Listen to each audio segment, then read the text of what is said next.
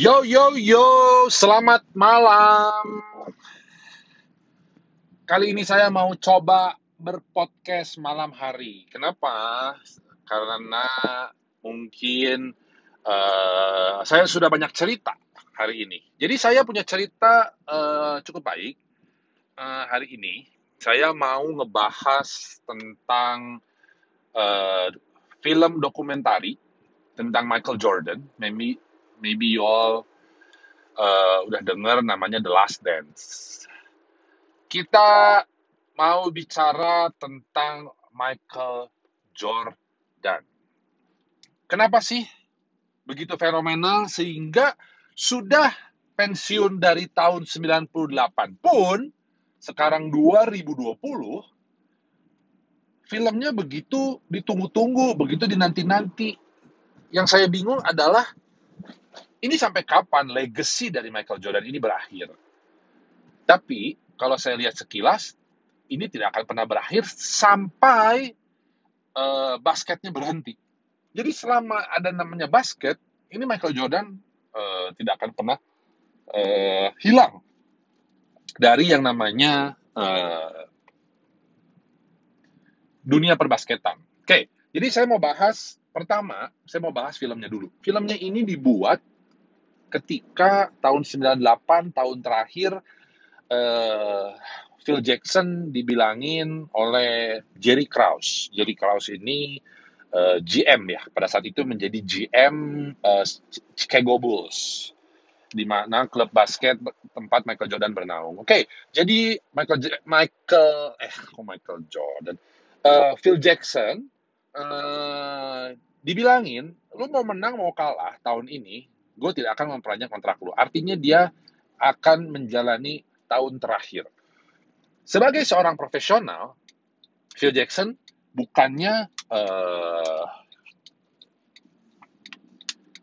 apa tuh namanya uh, bete lah bahasa sehari-harinya bete bukannya dia malah asal-asalan tapi dia malah bikin suatu skenario yang luar biasa skenario nya itu dia buat pada saat pada saat summer dia buat dia bikin dia strateginya apa pun lah itu.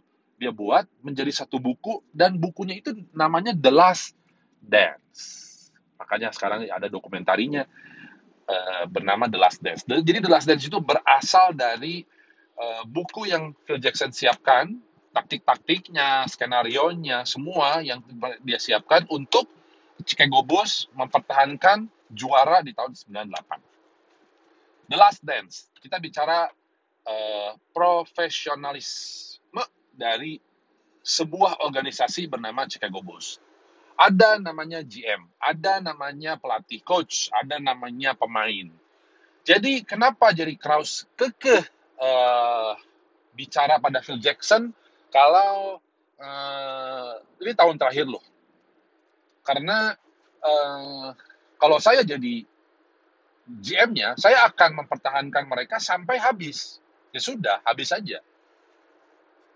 Jadi Michael Jordan akan tetap main karena pada saat itu Jordan pensiun nggak terlalu tua, saya lupa mungkin umur 36 lah kalau nggak salah Jordan pensiun. Jadi eh, tidak terlalu tua lah untuk menjadi pensiun. Tapi Jordan hmm, memutuskan untuk saya tidak akan eh, bermain di klub mana pun dan tidak akan bermain untuk pelatih siapa pun selain Chicago Bulls dan uh, Phil Jackson. Jadi pada saat itu Jordan memutuskan untuk pensiun.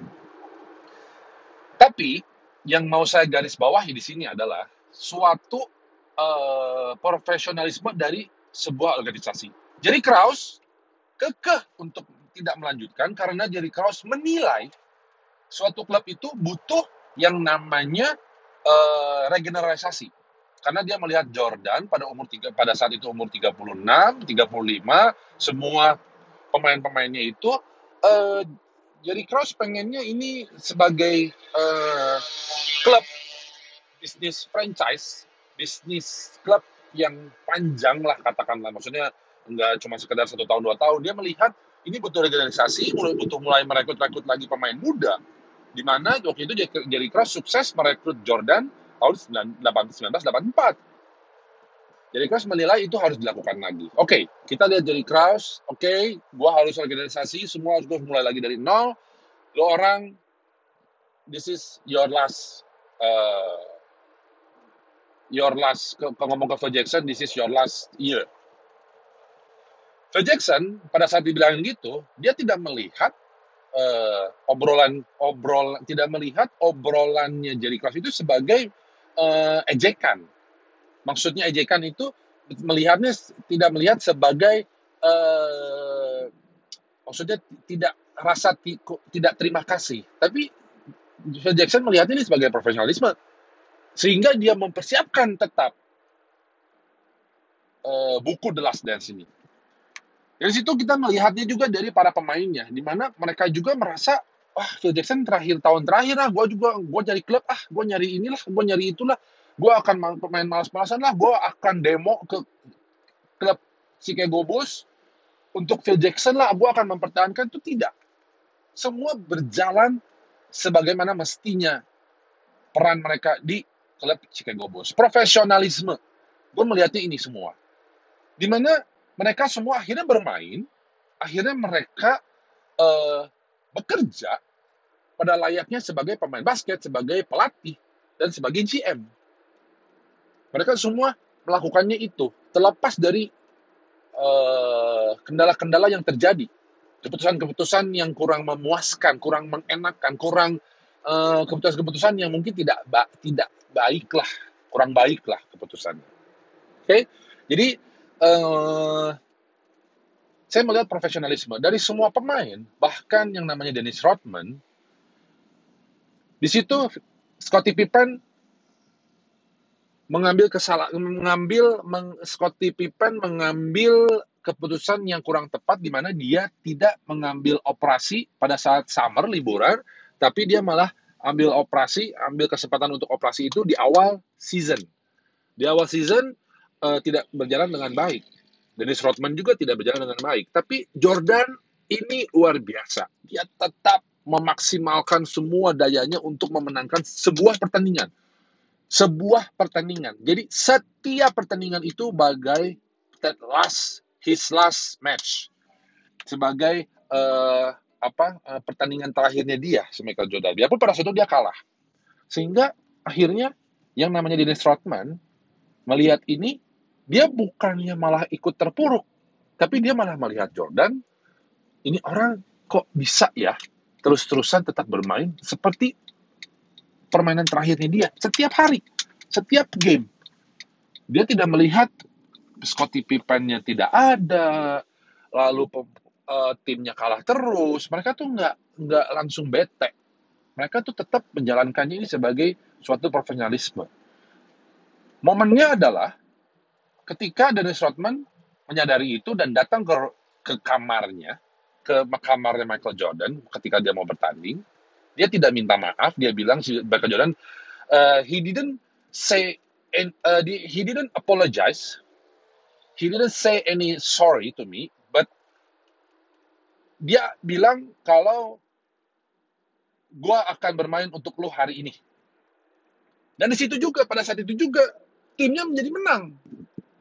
Jadi sebenarnya cuma butuh suatu uh, keinginan untuk menang. Mungkin Jordan ingin menang. Tapi kan Jordan sendiri main basket kan tetap berlima.